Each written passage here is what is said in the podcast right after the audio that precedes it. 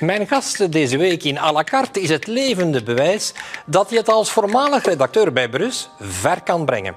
Ze werkte eerst drie jaar hier, dan een jaar aan de VUB en werd dan politiek actief bij Groen. Eerst in haar gemeente Molenbeek. Dit jaar werd ze samen met Jeremy van Eekhout verkozen in een duobaan aan het hoofd van de partij. Over die snelle opgang wil ik het graag hebben met Nadia Nagy. Wat denkt u nu van Brussel? Is Brussel een hellhole? Lukt er niets in Brussel? Hoe gaat het nu met Brussel? Goed of slecht? Gaan we nu vooruit of achteruit? Een stad waar te veel auto's zijn? Of zijn de fietsers te arrogant? Wilt u er komen wonen of willen u juist weg? Welkom bij à la carte, Nadia Nagy. Het is heel snel gegaan voor jou. Jij was hier ooit redactrice, je hebt wat aan de VUB gewerkt. En plots sta je in de spotlights van de nationale media als co-voorzitter van Groen. Ja, het leven is aan de rappen, hè? Dat is toch heel snel. Ja, dat is redelijk snel gegaan. Ja. Ja. ja de, de, ik heb mijn leven nooit echt lang op voorhand gepland. Mijn carrière is ook totaal niet gepland. Ik, ik ga een beetje op buikgevoel af. En ik weet dat ik altijd al... Ik wist gewoon twee dingen. Ik wou iets in de media doen en ik wou iets in de politiek doen. Dat wist ik toen ik studeerde.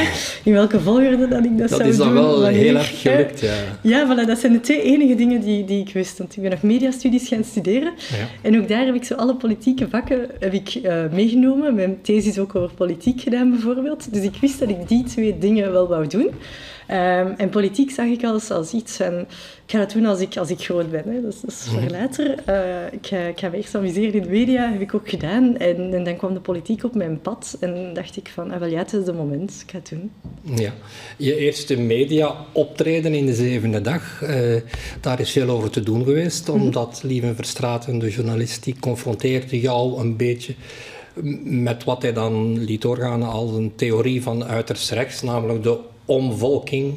Dat een beetje aansloot bij de opmerkingen van Conor Rousseau, uh, die bij een doortocht door Molenbeek had gezegd dat hij zijn land eigenlijk niet uh, herkende. Ja, je hebt daar heel snel op gerepliceerd. Hoe, voelde, hoe, voel, hoe voel je dat aan? Jij woont in Molenbeek. Hoe voel je dergelijke opmerkingen aan? Ja, die opmerkingen zijn, zijn heel persoonlijk en het gaat me daar ook om het bredere verhaal. Er was het gevoel van zo'n vraag is oké om te stellen, is normaal om te stellen. Uh, ik denk dat Lieve Verstraeten daar op zich geen slechte bedoeling mee Mhm. had, maar die grens is wel verlegd en ineens is het normaal om zo'n vraag te stellen. Um, die vraag wordt niet toevallig aan mij gesteld hè, en, en dat was gewoon heel erg persoonlijk. Ik, ik wist ook niet waar ik bij moest zitten, dus die vraag, ja, dat was heel duidelijk niet geoefend of zo. Dat was Mhm. gewoon echt mijn, mijn echte reactie op zo'n vraag. Ja. Uw reactie was zeer, uh, zeer verstandig, denk ik. Maar uh, begrijp je soms dat mensen het gevoel kunnen hebben dat er iets fout loopt in bepaalde wijken, waar, om dan niet dat omvolking te noemen, maar dat er een soort ghettovorming is, wat toch geen gezonde situatie kan zijn? Er zijn twee verschillende dingen. Eentje is spreken over problemen die er zijn in de grootstad of in andere steden. Dat is één ding. En dan is er een omvolkingstheorie en een racistische manier om naar mensen te kijken. Dat zijn voor mij twee totaal verschillende dingen. En ik weiger dus ook het gesprek te mengen. En dus die twee bij elkaar te mengen. Ik wil heel graag praten over problemen die er zijn in Brussel. Ik woon hier zelf ondertussen een, een zeven jaar. Ik zie die ook, ik ben me daarvan bewust. Het is niet door die te negeren dat we ze gaan oplossen, hè? helemaal niet. Uh, maar dus als we het gaan hebben over omvolkingstheorie, weiger ik ook om, om te spreken over de problemen die er zijn. We kunnen die twee niet mengen. Mm-hmm. Uh, en dan op jouw vraag, hè, is er dan, dan ghettovorming of, of wat dan ook? Nee, er zijn problemen in Brussel. Er zijn armoedeproblemen bijvoorbeeld. En die moeten we aanpakken en die mensen moeten we helpen. Maar we moeten de problemen benoemen en, en ondertussen geen extreemrechtse narratieven naar, naar buiten. Ja. Het, het, is natuurlijk een, een dunne grens uh, waar, waar jouw eigen partij het al moeilijk heeft gehad. In jouw gemeente Molenbeek, toen uh, Annalisa Gadaletta uh, een aantal jaren geleden een boek schreef over de moeilijkheden die zij zag in, in haar eigen gemeente, in uh, Molenbeek, mm-hmm. waar ze het had over uh, Marokkaanse mannen die bruiden uit Marokko importeerden. En zij een probleem aanpraten, dat werd niet in dank afgenomen door uh, Ecolo en door de PS, die Groen zelfs als een protofascist partij afdeed. De partij steunde, uw partij steunde volledig uh, Gadaletta. Uh, Ja, jij, jij woont zelf in Molenbeek. Je bent in Molenbeek actief. Je weet mhm. dat Molenbeek een van de weinige gemeenten is in Brussel waar er geen gemeenschappelijke lijst was van ecolo en groen. Dat is jammer. Uh, hoe kijk jij daar nu op terug, op dat conflict rond die stellingen van, mhm. van Gadaletta? Ik wil eerst al één ding duidelijk maken. Die plooien zijn gladgestreken. Uh, Ecolo en Groen in Molenbeek uh, komen terug heel goed overeen. en ook naar de volgende verkiezingen toe zullen we ook terug samen opkomen. Dus die plooien zijn gladgestreken. Maar hoe zijn die plooien gladgestreken? Want... Sarah Turin, die toen schepen was, heeft toen heel harde dingen gezegd over, over die, dat boek van Cataletta dat niet extreem was, maar wel de problemen bij naam benoemde. Um, twee dingen. Eerste, hoe zijn die, die problemen gladgestreken? Dat is de eerste vraag die je mij stelde. Ehm, ik, ik ben zelf dus een paar jaar nu actief in mijn lokale groep in, in Molenbeek. Ik heb die ook heropgericht, want die, die bestond even niet meer. Maar ondertussen zitten wij daar met een, een stevige groep van leden. En dat zijn allemaal heel veel nieuwe mensen ook. Hè. Uh, er zijn heel veel nieuwe uh, Nederlandstalige Molenbeekenaars ook. Dus dat we hebben die historie eigenlijk ook gewoon niet meegemaakt. Bij Ecolo is dat ook. En dat maakt dat die dingen ook gewoon veel vlotter uh, kunnen, worden, kunnen worden goedgemaakt. Um, dus voor ons is, is dat echt wel, dat ligt achter ons. Uh, we gaan nu samen, samen verder voor een, eh, een groener molenbeek. Um, dat is dus op jou, op jou, een deel van jou, jouw vraag. En dan op, want u wilt er heel graag op terugkomen, ja, op het boek van Gadaleta. Um, Omdat het een interessant boek wordt. Ja, ja ik denk dat dat bepaalt... Heb je het, heb je het boek gelezen? Uh, eerlijk, ik heb het boek niet gelezen. Nee, maar je, weet... kent, je kent haar stellingen. Ja. Haar stelling is, als je het met de nodige afstand bekijkt, is dat er wel degelijk een probleem is binnen bepaalde delen van de Marokkaanse groep in, in Molenbeek, omdat één groep zich heel conservatief opstelt, eigenlijk terug wil naar het verleden, vrouwen importeert uit, uit Marokko. Ik denk persoonlijk zelf dat dat heel kort door de bocht is. Um, ik denk dat er problemen zijn vandaag die, die breder zijn dan dus cultureel identitair, om te beginnen. Mhm. Dus ik heb ze daar straks ook al genoemd, bijvoorbeeld armoede, um, is een groot probleem. Dat is een eerste. De tweede, uh, we leven in Molenbeek met heel veel culturen samen naast elkaar. Naast de mhm. Marokkaanse gemeenschap hebben we bijvoorbeeld ook een grote Roemeense gemeenschap. En ik zie dat niet als een probleem. En ik denk wel dat het een beetje die analyse was iets te kort door de bocht en wel iets te veel op de clichés, naar mijn mening. Ik, ben zelf, uh, ik heb zelf een Marokkaanse en een Algerijnse achtergrond. Ik herken mij absoluut niet in dat verhaal. Dat betekent niet dat je de problemen niet mag benoemen, maar op deze manier generaliseer je ze wel, terwijl ik mij daar zelf helemaal niet herken en naast mij heel veel anderen. Ja, nochtans is het soms nuttig om problemen echt te benoemen. Ik denk dat een van de problemen die nu niet alleen in Molenbeek, maar in andere Brusselse gemeenten heel hevig zijn, dat is een soort drugsoorlog. Uh, waar er schoten vallen, waar er dus toch wel een, een, een, verandering optreedt in dat klimaat, waar helaas ook veel jongeren bij betrokken worden, die verleid worden door het gemakkelijk geldgewin. Jij zegt in een tweet daarover dat als jongeren daardoor verleid wordt, dat dat, dat dat eigenlijk een beetje de fout is van de maatschappij en ook van het onderwijs dat daar dat daar tekort komt. Ik heb, ik heb die, die tweet waar naar je verwijst, dat was duidelijk ook een citaat. Hè. Ik, mm dat was een citaat van een experte die spreekt. En ik ben het wel eens met het feit dat als jongeren daardoor, daardoor verleid worden, dat er achterliggende motieven toe zijn. Waarom gaat een 14-jarige drugsdealen op straat? Daar moet je echt wel over nadenken. Dat is omdat er bijvoorbeeld een geldissue is. Dat is omdat het gewoon gemakkelijk is. Dus dat is wel een collectief falen. En onderwijs was één van de. Mhm. hè. Eh, ik wil het zeker niet op het onderwijs tekenen of op de leerkrachten. Die doen fantastisch werk, die leveren fantastisch werk. Maar eigenlijk moeten wij die jongeren als, als maatschappij ook alternatieven bieden en, en hen meer kunnen bieden dan alleen drugs Maar doet de maatschappij dan niet genoeg? U bent zelf het bewijs dat, dat uw afkomst eigenlijk geen rol speelt. Maar we zijn hier nu twee dingen aan het vermengen. We zijn mijn afkomst aan het vermengen. Mhm. We zijn moslims aan het vermengen. Ik heb het woord moslims niet uitgesproken. Dat was daar straks toen we het hadden over Gadaleta. We zijn dan zo tot hier geraakt. Ik heb het over Marokkanen. Ja, Marokkanen, sorry. Ja. Uh, dus, dus we zijn verschillende dingen aan het, aan het vermengen. En nu zijn we dan over de drugsproblematiek in een grootstad. En mhm. daar zijn socio-economische problemen in de grootstad en drugs is daar eentje van. Maar om dat dan gewoon te, te gaan leren aan, aan achtergrond van mensen, ik vind dat heel moeilijk. Uh, want hey, je, kijkt dan naar mij nu van, je hebt het toch ook gekund en, mhm. anders gedaan.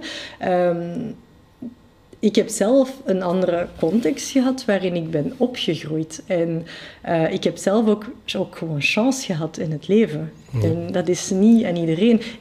We spreken heel vaak over gelijke kansen. Bijvoorbeeld, het onderwijs is daar een motor van. Dat is niet voor iedereen vanzelfsprekend om, om die kansen te kunnen grijpen of om die kansen te kunnen krijgen. Voor mij is dat gelukt, maar dat is niet vanzelfsprekend. U heeft volledig gelijk, maar...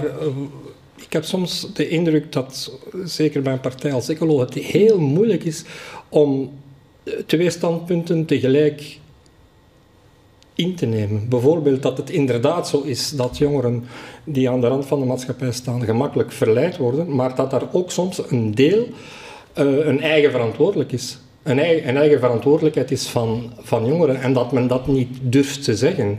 En dat, men, dat jongeren soms ook een beetje vervallen in een victimisering. Dat het, nooit, het is nooit hun fout, het is nooit hun, hun verantwoordelijkheid dat zij geen diploma halen. Het is altijd de fout van iemand anders. Kunnen we die twee dingen samen niet zeggen? Dat er effectief bij een bepaalde soort jonge Brusselaars een, een neiging is om de schuld altijd van zich af te schuiven. En wat bedoelen we met een bepaalde soort Brusselaars? Dat zijn jonge Brusselaars. Ik heb het niet over één, Niet over eh, één eh, groep.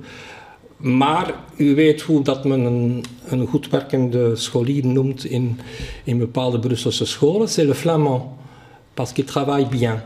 En je hebt een, een, cultuur dat er niet op uit is om diploma's te halen. En als men dan door het gebrek aan, aan diploma's geen, geen werk vindt, dan is het de fout van de maatschappij. ik wil daar toch een nuance inbrengen. Over, je zegt, hè, in, in de klas is dat dan le flamand die het beter heeft. De flamand in Brussel is, is vaak ook gewoon iemand die, het sociaal-economisch beter heeft. Niet altijd, niet altijd, niet altijd. Maar ik ben ook vrijwilliger in de huiswerkklas bij mij in Molenbeek. Mhm. En uh, ik ga daar dus twee keer per week kinderen begeleiden met hun huiswerk. En sorry, maar de dingen die ik daar zie... Ik zie kinderen die tijdens corona geen laptop hadden om de online lessen te volgen. Mhm. Ik zag kinderen die thuis geen, geen computer hebben, geen printer hebben, die thuis bijvoorbeeld ook niet de context hadden om te studeren, die, die daar met vier broers en zussen nog zaten, die gewoon die stilte niet hadden om zich te concentreren bijvoorbeeld. Dus ik vind het ook iets te gemakkelijk om de schuld individueel op Maar je kan de twee toch zeggen. Je kan toch zeggen, er is een probleem van armoede, er is een probleem van uitzetting, maar aan de andere kant moet je ook oppassen dat jonge mensen geen, zich niet opsluiten in een victimisering en de, dan de fout altijd bij de maatschappij leggen. Er is toch ook iets, mhm. het aanwakkeren van eigen verantwoordelijkheid, dat je zelf je lot in handen moet nemen, dat je zelf moet zorgen dat je je diploma haalt. Maar daarvoor moet je alle kansen krijgen en dat is niet altijd zo. Dat is niet al, u zegt het zelf, dat is niet altijd zo, mhm. maar het is wel vaak zo, dat als je het echt wil, kan je een diploma halen. Weet ik heb zelf op mijn parcours heel veel drempels gezien. Echt heel veel. Het had Welke ook, waren die drempels bij mij waarmee, heel wat waarmee jij te maken gaan. hebt gehad? Ja, bij mij was dat effectief in mijn onderwijstraject. Ik heb daar blokkages gezien. Ik ben eerst niet naar de gegaan, omdat men mij zei dat ik dat niet kon. Ik heb doorgezet om uiteindelijk nog naar hogeschool te gaan, maar ik heb te horen gekregen, je kan dat niet. Dat is niet voor u. En hoe komt dat jij dan doorgezet hebt? Uh, omdat mijn ouders absoluut wouden dat ik nog ging verder studeren. En vooral omdat ik zelf wel zoiets had van... Ja, sorry, ik wil dat wel doen en ik denk wel dat ik dat kan. Maar allez, ik heb mij ondertussen wel drie jaar echt... Ik had drie jaar het gevoel dat ik dat niet ging kunnen. Ja. En ondanks het feit dat ik nooit een herexamen had gehad, had ik nog altijd stress van ik ga dit niet kunnen omdat mhm. iemand op mijn parcours heeft gezegd dat ik dit niet ging kunnen. Maar er zijn er zo nog daarvoor. En ik heb daar gewoon chance gehad. Mhm. Bijvoorbeeld, um, wij kregen kinderbijslag thuis om, om, te, om naar school te gaan. Ja, mijn ouders konden die papieren niet invullen. Hè. Ik vulde die in. Maar dat is niet vanzelfsprekend dat iemand van acht jaar die papieren invult. Ja. Dat is niet vanzelfsprekend en dat zijn wel degelijk drempels. Ik wil het nog hebben over een heel saai onderwerp met jou. Jij bent nu uh, partijvoorzitter, co-partijvoorzitter, maar als het over Brussel gaat, uh, zit jij bij ons aan de tafel en zal jij waarschijnlijk ook het aanspreekpunt zijn uh, in onderhandelingen. Er komen waarschijnlijk na de volgende verkiezingen onderhandelingen over een nieuwe staatshervorming. Hoe kijk jij aan tegen het statuut van Brussel? Ja, dat is geen saaie vraag, dat valt Ja, ik, ik, ik, ben Brusselaar. Hè. Ik, ik, identificeer me ook als, als Brusselaar, dus ik vind het ook een belangrijke vraag. Um, ik, ik, denk dat we dat debat zonder taboes moeten voeren, uh, maar vooral we moeten kijken naar wat willen we bereiken hebben tijdens een klassieker, maar we hebben tijdens corona gezien dat er heel veel problemen waren. We wisten dat al, maar tijdens corona werden ze heel erg duidelijk, omdat de situatie acuut was. En daar zagen we dat we wel iemand nodig hebben die die lead ook echt wel trekt en die daar belangrijke beslissingen snel kan nemen en de deelstaten kan, uh, kan gaan helpen. Um, dus voor mij is, is, een sterk federaal België nog altijd wel, wel nodig. Um, en dan, Bedoel je daarmee dat er moeten zaken geherfederaliseerd worden volgens jou? Dat is voor ons geen taboe. Ik ga hier nu geen, geen plan op mhm. tafel leggen van dit en dit moeten we gaan herfederaliseren, want zo werkt het ook niet. We kunnen niet gewoon alleen bepalen. We moeten mhm. daarvoor echt wel één luisteren naar wat willen mensen zelf, maar ook wat werkt er het best, wat gaat het beste werken en niet gewoon vanuit een ideologie gaan kijken van wij willen sowieso dat als eindpunt. Mhm. Dat is voor ons niet. We kijken gewoon naar wat gaat het beste werken um, met respect voor alle culturen in, in België. Hè? Dus die, die taalgevoeligheid nemen we wel mee. Aan de Franstalige kant zegt men vaak dat Brussel een région à part entière moet worden, wat eigenlijk betekent dat Brussel dezelfde bevoegdheden zou hebben op alle vlakken die de andere twee gewesten ook zouden hebben. Welke rol zie jij weggelegd voor de gemeenschappen mhm. in Brussel? Ja, ook daar, ik spreek zowel als Brusselaar als uh, co-voorzitter van een partij. Hè. Um, en ik denk dat er wel zoiets is als een Brusselse identiteit ook. Ja, ik voel mezelf ook, ook Brusselaar. Um, en ik denk dat daar wel ruimte voor is. We moeten dat vooral zonder taboe kunnen bekijken. Dat is voor mij het belangrijkste. En dan zijn er inderdaad ook nog taalgevoeligheden. In Brussel bijvoorbeeld. Hè. We, kunnen de, we kunnen de VGC, de GGC niet gewoon in één keer afschaffen of zo. Dat, dat gaat niet. Daar moeten we ook rekening mee houden. Dus die taalgevoeligheid is er en daar moeten we rekening mee houden.